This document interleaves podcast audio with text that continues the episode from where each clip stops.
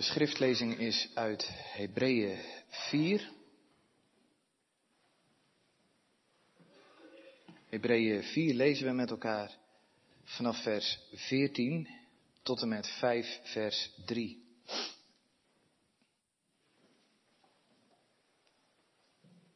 Hebreeën 4 vanaf vers 14 tot en met Hebreeën 5 vers 3.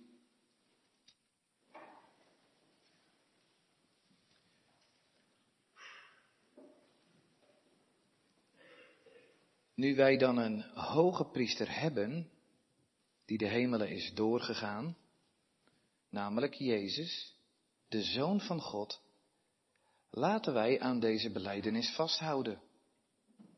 Want wij hebben geen hoge priester die geen medelijden kan hebben met onze zwakheden, maar één die in alles op dezelfde wijze als wij is verzocht, maar zonder zonde. Laten wij dan met vrijmoedigheid naderen tot de troon van de genade, opdat wij barmhartigheid verkrijgen en genade vinden om geholpen te worden op het juiste tijdstip. Want elke hoge priester die uit de mensen wordt genomen, is ten dienste van mensen aangesteld. Met het oog op de dingen die bij God te doen zijn. Om gaven en offers te brengen vanwege de zonde. Hij kan voluit medelijden hebben met de onwetenden en dwalenden. Omdat hij ook zelf met zwakheid omvangen is. En daarom moet hij, evenals voor het volk, ook voor zichzelf offeren vanwege de zonde. Tot zover de schriftlezing. Gemeente, in de verkondiging vanavond staan we stil in de versen 14 tot en met 16. Maar met name vers 15. Dus daarom wil ik vers 15 alleen herlezen, maar ik neem de omgeving wel een beetje mee. Ik herlees u vers 15. Want we hebben geen hoge priester die geen medelijden kan hebben met onze zwakheden, maar één die in alles op dezelfde wijze als wij is verzocht, maar zonder zonde. Twee aandachtspunten. Allereerst, wij hebben een hoge priester en als tweede die medelijden heeft. Dus dat kunnen zelfs onze jonge vrienden onthouden, denk ik. Wij hebben een hoge priester die medelijden heeft. Mijn jonge vrienden en ook de allerjongste, ik zie die ook nog zitten. Ik neem aan dat jullie op school wel eens hebben gehoord over de priesters, hè? Die mensen van die witte gewaden, misschien heb je het plaatje wel gezien, zo'n prachtige baard en zo'n witte tulband. Die werkten in de tabernakel of in de tempel, hè? Ja. Ze offerden dieren. Nou zie je in vers 1 zie je gewoon staan wat die mensen deden daar. Die waren door God ingesteld voor zijn volk. Let op, door God zelf. Hè? En dan wat doen ze dan? Nou, ze doen dingen met het oog om de dingen die bij God te doen zijn. En dan blijkt dat dat het ook te maken heeft met zonde. Hè? Ze offeren, staat er in vers 1. Er staat gewoon in de Bijbel, jonge vrienden, wat dat allemaal betekent. De priesters die had God gegeven omdat hij heilig was en ja, dat volk niet. En dan gingen ze met hun werk, gingen ze God en de mensen verzoenen en bij elkaar brengen. Dus als je iets wil begrijpen van die priesterdienst, dan moeten we die twee woorden maar onthouden. Samenkomen en omgaan met elkaar. Dat wilde God graag en daarom had hij de priesters gegeven. Dus onthouden jullie dat, jonge vrienden? Samenkomen en omgaan met elkaar. En we snappen wel, zonde is daar een ingewikkeld iets in. En misschien hebben onze jonge vrienden ook wel gehoord van de hoge priester. Die man met die borstlap met twaalf stenen. Twaalf stenen voor het hele volk. En die had veel meer kleuren dan de gewone priesters. Die had allerlei blauw aan en zo. En die droeg ook nog een plaat op zijn tulband. Wat was er zo belangrijk aan die hoge priester in Israël? Misschien hebben jullie het wel meegekregen. Dat heeft alles te maken met afgelopen maandag. Want wat was het maandag in Israël? De tiende van de maand Tisri. En wat gebeurt er dan? Nou ja, daarom hebben wij nu Israëlzondag. Het heeft altijd te maken met grote verzoendag in Israël. Op de tiende van de zevende maand, hun telling althans. Nou, wat mocht die hoge priester dan in het oude Israël? Dan mocht hij die ene keer bij uitzondering achter dat handdikke gordijn in het heilige der heiligen. Op de grote verzoendag mocht hij daar bloed sprengen op het deksel van de ark waar God op zat, op die troon daar, die vleugels van de gerubs. Wat deed de hoge priester dan? Nou, met zoveel woorden wat er in de kleine offertjes ook al gebeurde. Hij reinigde en hij maakte verzoening. Hij bracht verzoening.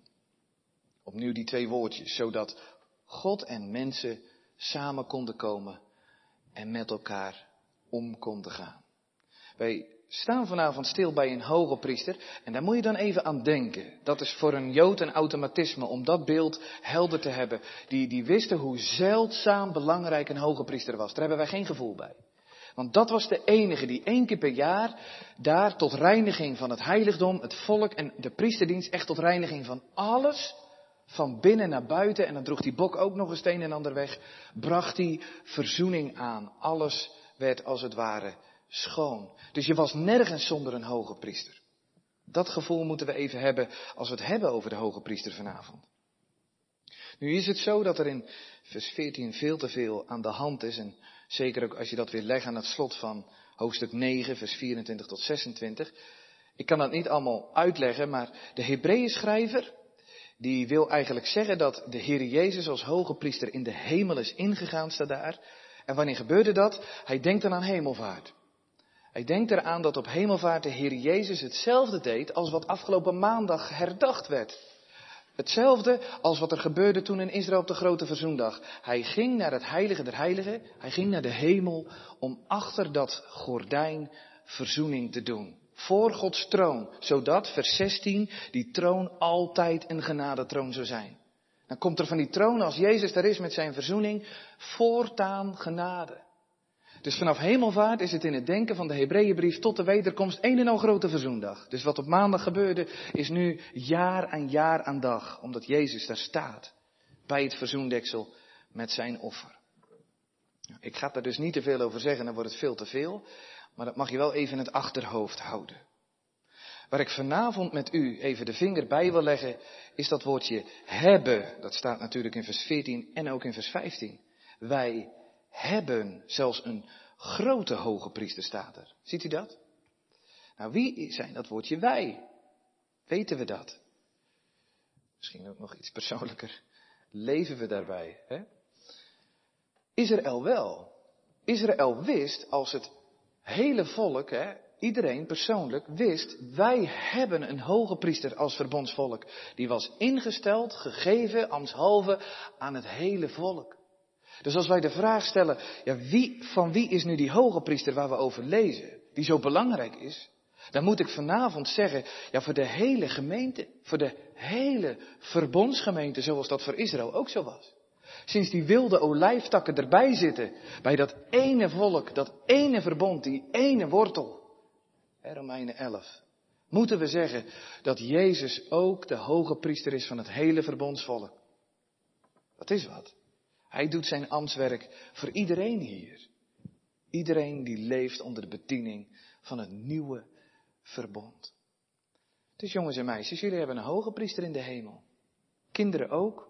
De grijzaards, de mensen die meeluisteren, de ouders.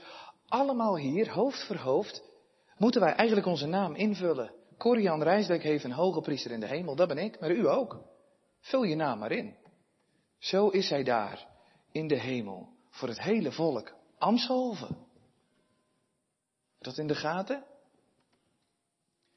Nu kan het zomaar zijn dat dat ons niet zoveel zegt, toch? Dat hoop ik niet, maar daarom staan we hier. Want een Jood zou hier op zijn minst blij van worden. Een Jood had ook een heel ander gevoel bij een hoge priester in het oude Israël dan bijvoorbeeld bij de koning. Dat moeten we even snappen. Een Jood had echt een relatie met de priesters als zodanig, ook de hoge priester. Veel anders dan de koning. Kunnen we ook wel begrijpen. De koning stond boven het volk. De koning die oefende gezag uit over het volk als vertegenwoordiger van God. Wij weten dat wel uit de Bijbelverhalen, naar de koning ging je niet zomaar toe. En er waren maar een enkeling, bijna niemand, die een vriendschappelijke relatie onderhield met de koning. Dat ging gewoon niet voor het volk. Er was altijd toch wel een afstand tussen de koning en zijn onderdanen. Nou, dit was dus echt niet zo bij de priesterdienst. Dat, dat, dat voelde een Jood op zijn klompen aan. De priester, dat was een man van het volk. Daar kon het volk ook zo bijkomen bij de priester. Er was eigenlijk nooit een afstand tussen eh, de Israëliet, de Jood en de priester in reine omstandigheden tussen haakjes. Dus de priester, die, dat zag je ook op die, uh, in al die beschrijvingen, zie ik wel op platen. De priester stond letterlijk tussen het volk. Hè? Dan gingen ze samen met die Israëlieten de offers brengen. Schouder aan schouder, om het maar zo te zeggen. Er stond geen priester boven het volk. Waren toegankelijk. Zelfs de hoge priester, die was zo toegankelijk en benaderbaar. Met de hoge priester kon je zo als Israëliet, als je er regelmatig kwam, net als Eli zeg maar, daar kon je gewoon vrienden mee worden. Iedere Jood was daarom ook op een speciale manier gehecht aan de priesters. Specialer dan hun koning. Daar keek je toch mee tegen op. Met de priesters hadden ze een relatie. Mede ook omdat ze goed door hadden dat die priesters het volk vertegenwoordigden bij God. De priester was zo solidair met het volk dat ze één met hen in naam van het volk voor Gods aangezicht optraden en ze weer, dat woordje, samenbrachten, zodat ze bij elkaar konden komen. In één woord, de priesters bemiddelden, zodat van Gods kant, dat mochten ze ook doen, dan stonden ze zo, die zegen kwam, hè, dat Gods aangezicht vriendelijk over hen lichtte en hun vrede tot hen kwam. Dus die priesters, ja, dat vond het volk echt geweldig. Dat vonden ze echt fijne mensen. Zeker als het betrouwbare priesters waren. Door hen konden ze bij God komen, maar er konden er ook vrienden mee worden. En de hoge priester, daar was men helemaal blij mee. Met die man waar je een relatie mee kon krijgen, ja, dat wilde je wel, want die man was de oorzaak dat hij zo dicht bij God kon komen om zelfs daar verzoening te doen. Op die ene dag. Nou, dat gevoel moeten we een beetje meenemen als de Hebreeën schrijven naar die Hebreeën, die Joden dus uitjubelt. We hebben een hoge priester in de Heer Jezus. Dan moet je gelijk die categorieën in je hart voelen van, oh, dat is zomaar iemand, daar kan je zo naartoe. Die is toegankelijk, benader maar. Dat is iemand die stelt zeker de belangen van zijn volk voorop. Wat er is die voor? Zijn eigen belangen stelt hij achter. De belangen van al diegenen die bij zijn verbondsvolk horen, ja, die heeft hij op het oog. Dat moet je gelijk voelen. En net als Israël in die, die hoge priester die twaalf stenen op zijn hart droeg, deze hoge priester, oh hij draagt het hele volk op zijn hart. Dat gaat hem aan het hart. En dit is dus de man met wie je zomaar een relatie kan onderhouden. Dat is wat. Ik weet niet of je dit wel eens hebt, maar dat voel je dan. En soms is dat ook wel terecht. Hè? Dat hangt er een beetje natuurlijk van af hoe u leeft. Maar de godsvrezen, weet u wel, dan toch wel die afstand. God is heilig. Dan kom je met je onheilige voeten even in het gebed richting de Allerheilige. He, soms, soms lijkt hij ook ver weg. Soms heb je het gevoel, moet ik me niet heel klein maken voor God? Nou, nogmaals, dat is soms echt terecht. Maar één ding is zeker, dat gevoel van die afstand, van die heiligheid, dat had geen Jood bij hun hoge priester. Dat moeten wij ook niet hebben bij de Heer Jezus. we hoeven niet kruiperig om te gaan met Hem. We kunnen in het gebed zo naar Hem toe. Want Hij is er voor ons, zoals voor iedere Jood. Hij is de man voor ons in de hemel die het voor ons opneemt. Hij maakt het in orde. Hij is altijd beschikbaar. Hij is altijd bereidwillig, zoals een echte goede hoge priester het was. Om het maar zo te zeggen, dan is het misschien een beetje zoet verwoord, maar dan weet hij waar we het over hebben. Hij is de vriend van het volk. Allemaal. Het is wat, hè? Dat we zo iemand in de, in de hemel hebben. En er staat er nog bij. We hebben een grote hoge priester. Er staat in het Grieks een woordje, dat kennen onze jongeren ook wel, mega. Nou, mega, dat zegt wel iets, hè? Het is dus de allerbeste, maar ook direct de allerbelangrijkste hoge priester. Hij is een vakman, om het maar zo te zeggen mega hoge priester. Dat heeft ermee te maken dat hij Jezus heet. Lievelingsnaam van Hebreeën schrijver. Het wijst op Jezus mens zijn. Gebruikt hij graag. Maar hij onderstreept ook dat hij de zoon van God is natuurlijk in vers 14. Met andere woorden, zijn God zijn onderstreept hij daar. En daarom is hij die mega hoge priester. Hij is in staat om die oneindig ongelijke partijen, die heilige God en dat onheilige, onheilige volk, om dat als God mens, om dat bij elkaar te brengen. zodat ze met elkaar kunnen omgaan in een relatie. Dat is onze mega hoge priester, God mens, die ons vertegenwoordigt in de hemel, bij God. En die de oneindige afstand kan overbruggen. Moet u even de vinger leggen bij dat woordje hebben, gemeente. Zo mooi. Hebben. In welke tijd staat dat? Welke werkwoordstijd? Het staat tegenwoordige tijd, toch? Hebben. Dat betekent voortdurend. Altijd. Nu. En nu. En nu en ook morgen en overmorgen en volgend jaar. Altijd is hij daar beschikbaar. Altijd wil hij bemiddelen tussen God en mensen. Altijd staat hij paraat. Altijd kunnen we een beroep op hem doen. Altijd is hij gereed om die ongelijke partijen bij elkaar te brengen. Altijd wil hij dat bedekken wat, wat Gods ongenoegen oproept en scheiding moet maken. Die hebben we. Het zijn offer staat hij sinds hemelvaart achter het gordijn in de hemel, in het hemelse heilige der heiligen, om in de bres te staan. De man van het volk voor het volk. Maak u gebruik van uw hoge priester, gemeente. Maak u gebruik van deze man van het hele volk. Doet u dat in uw gebedsleven? Dat u u vasthoudt aan hem die aan de rechterhand van de Vader pleit. Uw mega hoge priester. Dat u het zegt, Jezus, u bent toch de man voor het volk bij God. Ontferm u over mij, want ik heb uw verzoenend werk nodig. Want wie niet gebruik maakt van deze hoge priester, en wilt hij dan zelf voor hoge priester spelen? Dat kan toch niet? Dat voelen we toch wel aan. Maar wie nadert gemeente via het gebed tot God met, met deze hoge priester, die moet ervan verzekerd zijn. Iedere dag, ieder gebed, tegenwoordige tijd. Van Gods kant komt er altijd genade. Van zijn troon komt er alleen maar genade. Genade die groter is dan welke maat van zonde of ontrouw of afwijken ook. Altijd groter, altijd overvloediger. Die hebben we. Tegenwoordige tijd, maak gebruik van hem. Dat is de eenvoudige toepassing bij het eerste punt. Want anders moet u zelf verhogen priester spelen, dat kan geen mens. We hebben een mega hoge priester. Gaan we nu naar dat specifieke wat vers 15 erbij zegt in het tweede punt. Gemeente, onze hoge priester heeft medelijden, staat erin.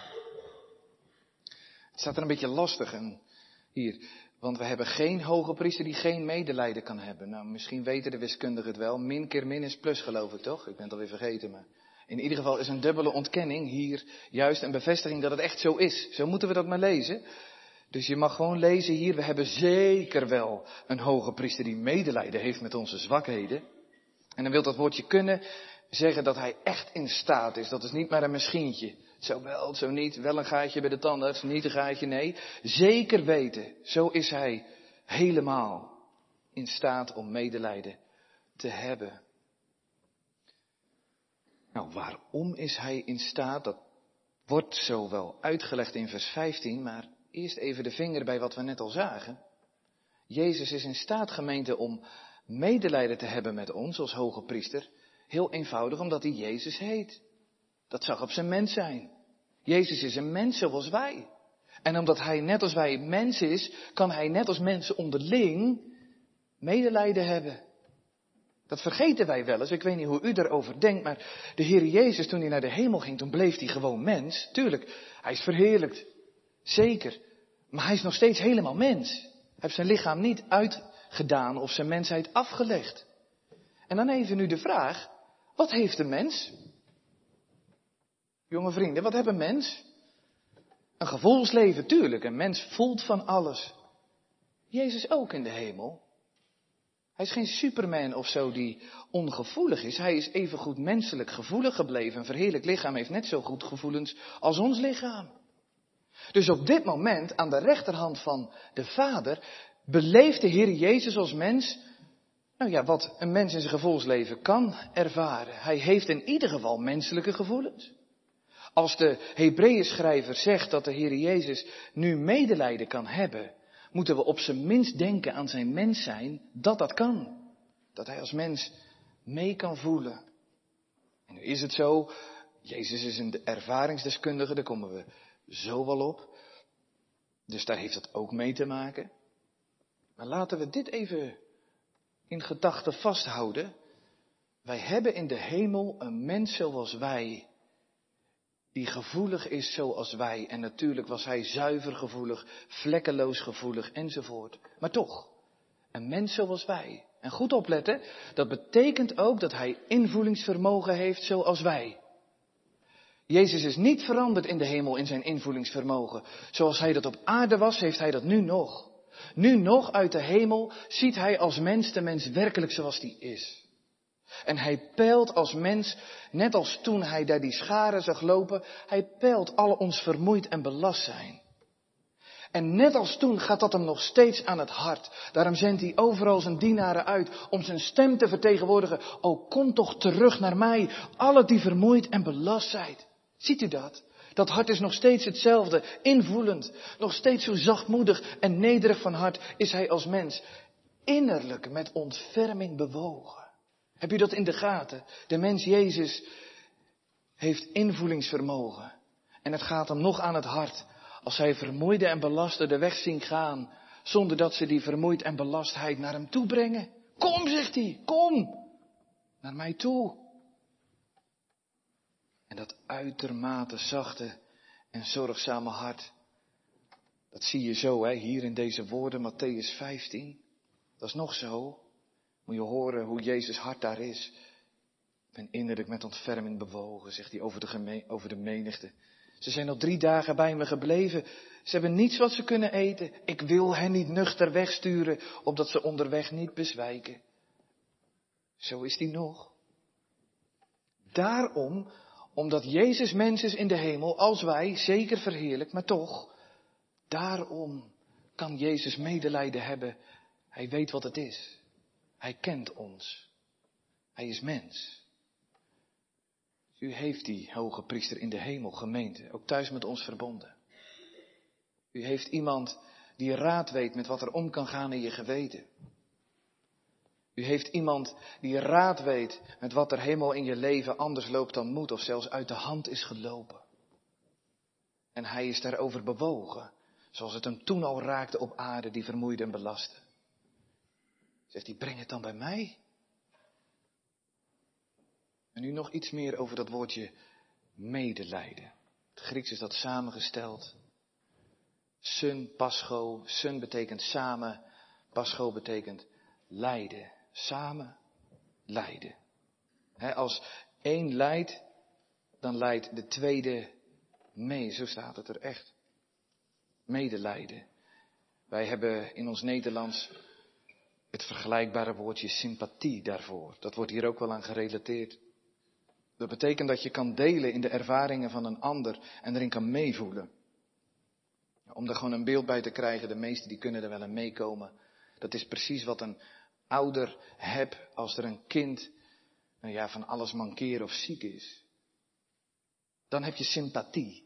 Dat wat er dan in die relatie gebeurt, dat voel je en ga je aan het hart. Dat, dat is wat hier gebeurt bij onze medelijdende hoge priester in de hemel. Waar zijn volk te kampen heeft met zwakheid, daar leidt hij mee en leeft hij mee. Nu is iemand heel wakker en die zegt, ja maar Rijsdijk, hoe zit dat? Want is de hemel dan wel een hemel voor onze Heer Jezus? Je kan toch niet pijnlijke dingen voelen in de hemel? Nou, vooruit, daar zit iets lastigs. In ieder geval kan ik u toegeven dat naar zijn goddelijke natuur Jezus niet leidt. Dat is zeker. God leidt niet. En Jezus als God ook niet. Maar wil u dan uitgummen wat hier staat? De Heer Jezus de hemelen doorgegaan. En hij kan medelijden hebben met onze zwakheden, tegenwoordige tijd. Dat, die hebben we, die hoge priester die dit doet. Hoe ingewikkeld de gedachte ook is, op dit moment is de Heere Jezus als hoge priester zo verbonden, in bijzonder aan degenen die door het geloof aan Hem verbonden zijn, dat Hij niet anders kan en ook niet anders wil dan meevoelen in hun leed. Paulus die zegt daar ook iets over in Efeze 5. Ik zal het u aanhalen. Dan, dan gebruikt hij deze metafoor om dat uit te leggen. Want wij zijn leden van zijn lichaam, van zijn vlees en van zijn gebeente. Nou ja, als je tegen iemand, nou, als je op iemands tenen gaat trappen, dat voel je toch? Met heel je lichaam. Nou, Jezus is het hoofd van het lichaam. Dus om maar zo te zeggen, door die zenuwbaanden die allemaal naar het hoofd lopen, voelt de Heer Jezus letterlijk mee met hen die in geloofsverbinding met Hem leven. Efeze 5 vers 29. Want niemand heeft ooit zijn eigen vlees gehaat, maar hij voedt en hij koestert het. En dan, dan staat het er letterlijk, zoals ook de Heere de gemeente. Hij voelt mee met zijn lichaam en voedt het en koestert het. Dus ja, hij voelt mee in de hemel. Hoe vreemd het ook klinkt dat Jezus een soort van pijnlijke of minder mooie ervaring heeft in de hemel. Zo staat het er. Alle zwakheden gaan hem aan het hart. Ziet u dat? Mens als wij, gevoelig als wij, invoelingsvermogen als wij. Ziet u dat? Deze, deze werkelijkheid dat je, je kan je soms zo in je isolement gedrukt voelen door alle moeilijkheden. En is dat onmogelijk, want we hebben een hoge priester. Die nog steeds dat hart heeft dat hij zegt, kom, vermoeide, belasten. Er is iemand gemeente die om je geeft in de hemel. Echt om je geeft. Zo, zoals je Jezus dat zag, al die mensen die hij riep, gaf om ze. En hij, het brak zijn hart meer dat ze vermoeid en belast bleven, dan dat ze bij hem kwamen om onder zijn juk te komen. Zo is Jezus.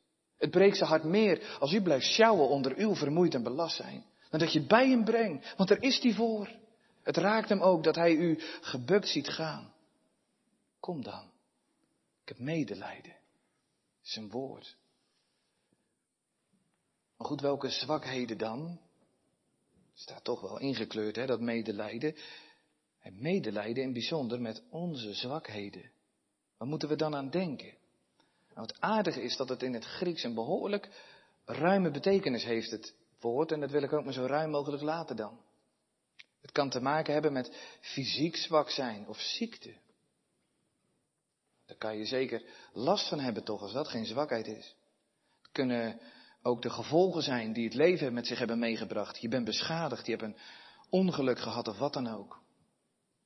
Daar heeft hij medelijden mee. Matthäus 8 staat datzelfde woordje ook. En dan wordt Jezaja 53 aangehaald. Hij heeft onze krankheden, staat de vertaling, op zich genomen. Er staat daar in de HSV, hij heeft onze zwakheden op zich genomen. Dat woordje. En onze ziekte gedragen. Maar tegelijkertijd gaat het om meer gemeente. Dat kan je ook zien in 5 vers 2. Daar wordt dat woordje zwakheid ook genoemd. En dan eigenlijk, als je kijkt naar de context, dan gaat het hier over die onwetende, dwalende. Je moet in ieder geval zeggen, het is ook een zwakheid die te maken kan hebben met zonde of kan leiden tot zonde. dan, dan moet je het morele zwakheid noemen in één woord. dat, datgene wat wij buiten het paradijs ervaren en beleven, wat op allerlei manieren helaas bevlekt is met zonde. Gewoon tekort schieten, gebrek hebben daardoor. Ik noem een paar voorbeelden. Deze zwakheid kan bijvoorbeeld net zo goed te maken hebben met slecht slapen, waardoor je een kort lontje krijgt en chagrijnig doet. Dat is gewoon concreet zondige. En de zwakheid is dat je daar last van hebt omdat je gewoon slecht hebt geslapen. Daar kan Jezus medelijden mee hebben. Je moet niet goed praten, dan moet je bij hem komen. Maar het kan ook te maken bijvoorbeeld hebben met een ongelegen voorval, wat nou juist niet goed uitkomt, waardoor je gewoon geweldig opstandig reageert. Als je karakter hebt als ik, dan heb je dat. wat, wat nu weer? Dat wou ik zo niet. Nou, opstand tegen God. Of juist, dat gebeurt ook wel, dat wij ons hart afsluiten omdat wij gekwetst zijn of bang zijn om gekwetst te worden. Dat is ook lastig als je je naaste lief moet hebben. Met die zwakheid heb je gewoon te maken buiten het paradijs. Daar heeft Jezus medelijden mee. Maar zwakheid kan er ook zijn in de zin van, je hebt zoveel zorgen in je leven, je gaat zo gebukt, ja, dat je eerder radeloos bent dan dat je het nodige vertrouwen beoefent op God. En dat is die wel waard, maar dit lukt gewoon niet. De zorgen zijn zo groot. Dat is een zwakheid. groter dan je vertrouwen. Schiet je weer tekort. Daar heb Jezus medelijden mee. Het kan ook zijn dat je zo'n ernstig verdriet hebt, verlies hebt meegemaakt. Waardoor je zo ontroostbaar bent dat je gewoon echt bij de pakken neerzit en niet verder kan, maar ook vast blijft zitten. Daar heb Jezus medelijden mee met zulke zwakheden. Want zo is het wel in het leven in de verbrokenheid. Voelt de Heer Jezus mee? Als u door omstandigheden niet bent zoals u moet zijn, gemeente, en dat zijn we regelmatig. Ieder kan wel een voorval bedenken, volgens mij is een poosje terugblader. Op dat moment als dat zich voordoet, dan zucht de Heer Jezus niet ongeduldig van, oh, jongen, moet je nu kijken, schiet hij weer uit zijn slof, weet je wel, zo van. Ja, wat is dat nou voor zelfmedelijden? En, en, en moet je dat nou zien? Hier weer die opstand bij die christen. Wat is dat nou? Waar is die leidzaamheid? Nou, zo zit hij dus niet te denken in de hemel. Terwijl hij wel van alles voelt. Op dat moment, als wij tekortschieten in zwakheden, dan fronst hij niet zijn gezicht zo van, hm, moet je die christen toch zien? Nee, hij heeft medelijden. Daar mag u gegarandeerd van zijn. Met die dingen die ook in je geweten soms letterlijk je geweten aanslaan. Dan kijkt hij niet van, tjoh, niet jong, wees een uitgeleider, struikelaar. Nee, dan heeft hij empathie, medelijden. Dat raakt hem. Voelt u? Hij laat u niet in de steek als, u, als uw leven bevlekt is met van die moreel, morele zwakheden waarin je dus tekortschiet. Hij begrijpt u op dat moment. En hij is de barmhartige hoge priester. Het heeft ook, en daar komen we dan nu eindelijk bij, dat heeft ook te maken met dat hij een ervaringsdeskundige is. Vers 15b, lees maar mee. Hij is er één, een hoge priester, die in alles op dezelfde wijze als wij is verzocht, zonder zonde. Zo mooi. Hè? Uiteindelijk ga ik nu herhalen wat ik al heb gezegd, maar dan wordt het nog overtuigender zeker als we dit gaan snappen, dat de Heer Jezus medelijden heeft en er is als die hoge priester en instaat voor zijn volk. Want de Heer Jezus is net als u gewoon de weg gegaan buiten het paradijs in alle broosheid en verbrokenheid. De Heer Jezus had op dat moment in diezelfde route met alle ingewikkeldheden in het leven als mens, had hij dezelfde behoeftes als wij, dezelfde gevoelens als wij. Maar zo mooi, op dat moment struikelde hij nooit. Het leidde niet tot zonde. Dus de Heer Jezus die heeft net als ons doorleefd, dat menselijk leven gaat het hier over. Hij heeft net als ons doorleefd wat het is om gewoon tegenslagen te hebben. Dat het anders gaat dan je zou willen. Wat het is om hongerig te zijn en daarom knorrig te zijn. Hij zondigde niet. Hij weet wat het is om afgewezen te worden, waarom wij soms ons hart afsluiten. Hij weet wat het is om gepest te worden, bespot. Hij weet wat het is om verkeerd begrepen te worden. Hoe vaak is Jezus wel niet verkeerd begrepen? Zag je hem ooit één keer uit zijn slof schieten? Ik denk dat ik mijn vrouw al twee keer uitgelegd. Zo ben ik. Ik ben zo een slofschieter. Hij weet wat het is om dierbaren te verliezen. Zijn Lazarus. Hij zondigde niet in dat verdriet. Hij heeft het doorleefd wat het is om vrienden kwijt te raken. Om bedrogen te worden door zijn beste vriend. Of in ieder geval een van de intieme vrienden. Hij weet wat het is om oneerlijk behandeld te worden. Hij heeft het allemaal meegemaakt, gemeente. En wat er ook gebeurde en op hem afkwam. Jezus zondigde nooit, waar wij wel zondigen. Hij is verzocht, staat er. Met andere woorden, dat wat u doormaakt en dat waar u redelijk regelmatig God verhoede uitglij, we struikelen dagelijks in velen. Dat is voor Jezus bekend terrein. Dat is voor Jezus bekend terrein. Hij weet wat het is, verzoekingen en verleidingen door te maken. Ik kende, om een paar voorbeelden te noemen, de verleiding om te liegen, om zijn leven te redden, had hij kunnen doen. Hij kende de verleiding om geld te begeren toen hij zelf arm was. Zacchaeus was zo rijk, het heeft hem vast aangesproken als wat arme rondreiziger. Hij weet ook wat het is om verleid te worden tot overspelige gedachten Niet dat hij zondigde, maar toch, wat denk je wat het betekent voor deze volwassen vrijgezelle man toen die Maria met haar lange haar zijn voeten afdroogde en daarna zalfde? Iedere man weet hoe dat voelt.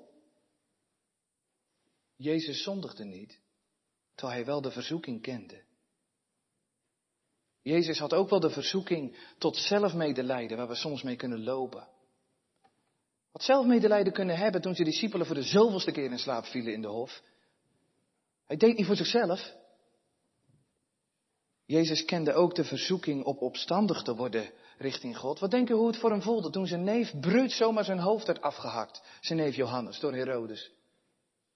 Ze hebben gebruist bij een zondig mens. Jezus zondigde niet.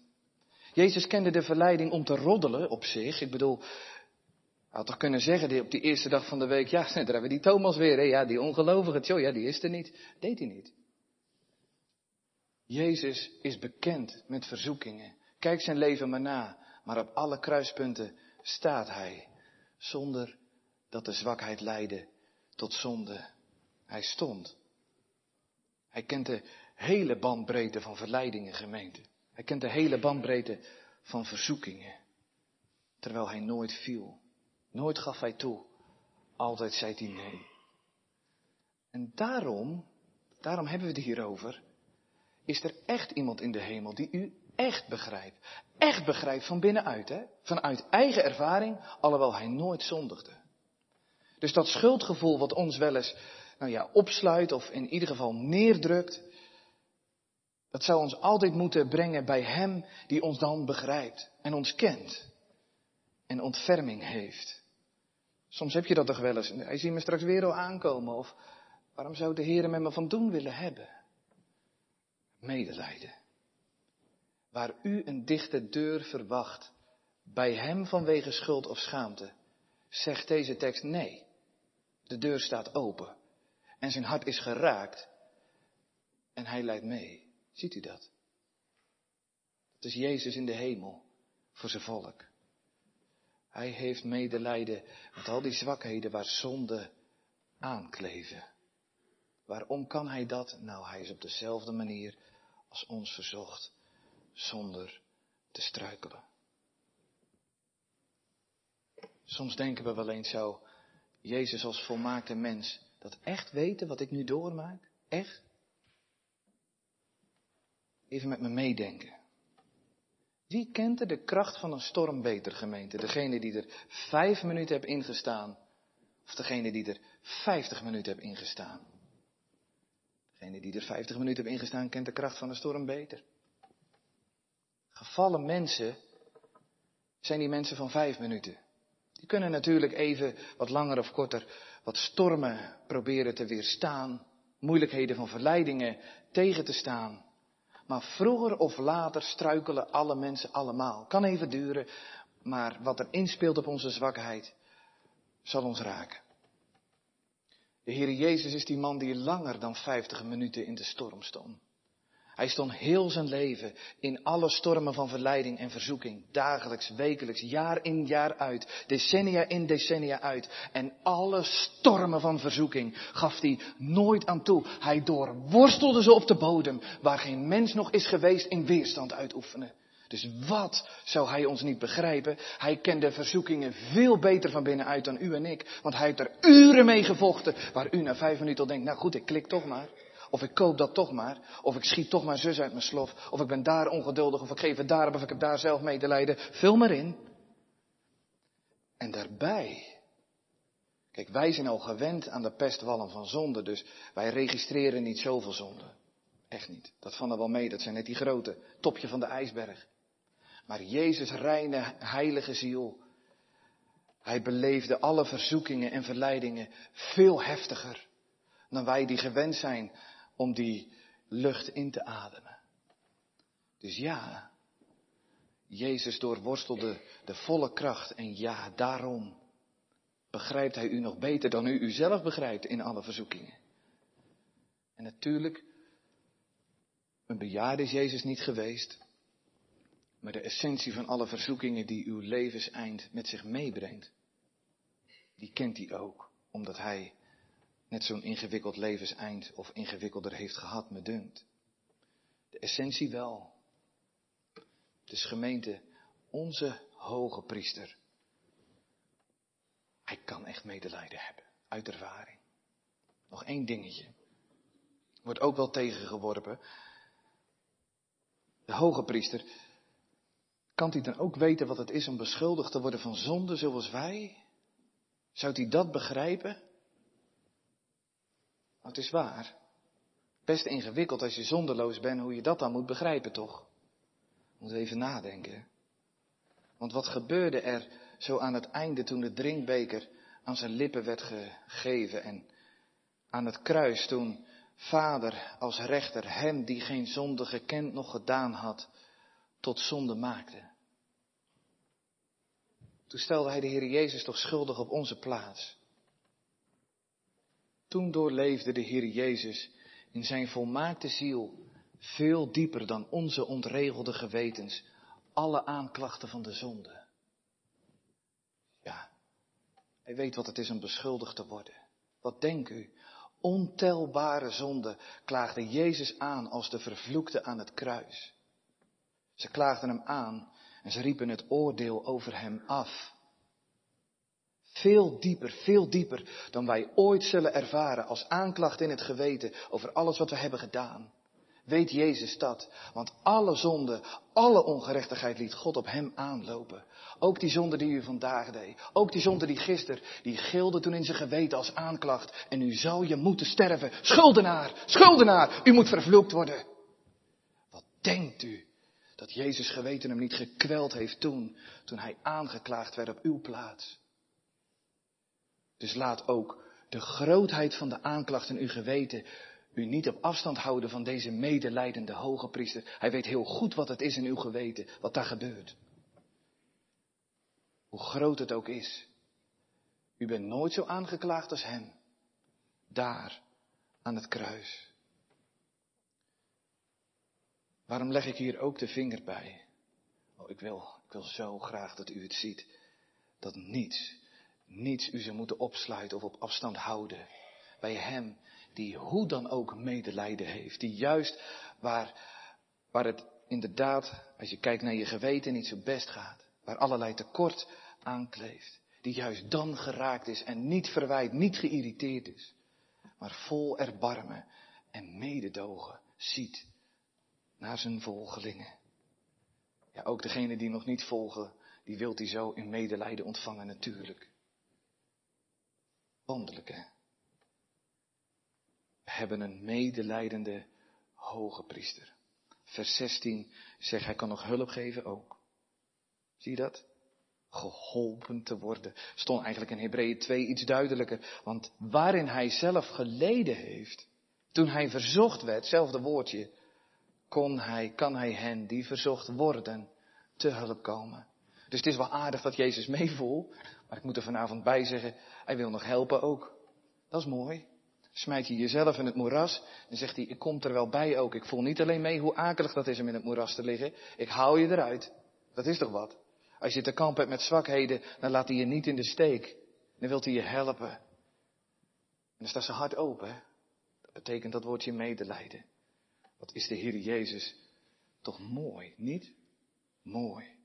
In zijn zachtmoedigheid, in zijn bewogenheid. Dus laten we met alle gewetensconflicten gemeente, ook thuis met ons verbonden. Laten we met alle gewetensconflicten telkens naar Hem toe gaan. Onze medestander, onze bemiddelaar, de man van het volk. Weet het nog? Dat samenbrengen, zodat ze met elkaar omgaan. Dat doet hij graag. Hij weet wat het is, wat u doormaakt. Hij weet wat het is om te worstelen met verbrokenheid en verzoekingen peilt uw verdriet. Hij begrijpt onze pijn. En medelijden zegt nee. Hij verwijt niet. Ook niet als u er doorheen zit. Dan ziet hij u. En dan staat hij gereed met zijn hulp. En ondertussen staat hij in voor u bij God, als u niet verder kan. Hij houdt niet op om verzoening te doen, zodat al zijn volgelingen het vaderhuis bereiken. Onderweg wil hij hulp bieden. Mag hij hulp bieden? Mag hij hulp bieden? Voor wat dan ook. Kan niet te zwaar zijn of te moeilijk voor hem. Hij staat gereed. Twaalf stenen op zijn hart, hè? Dat hart gaat naar u uit. Kom dan en maak gebruik van uw medelijdende hoge priester. Hij wil te hulp komen. Amen.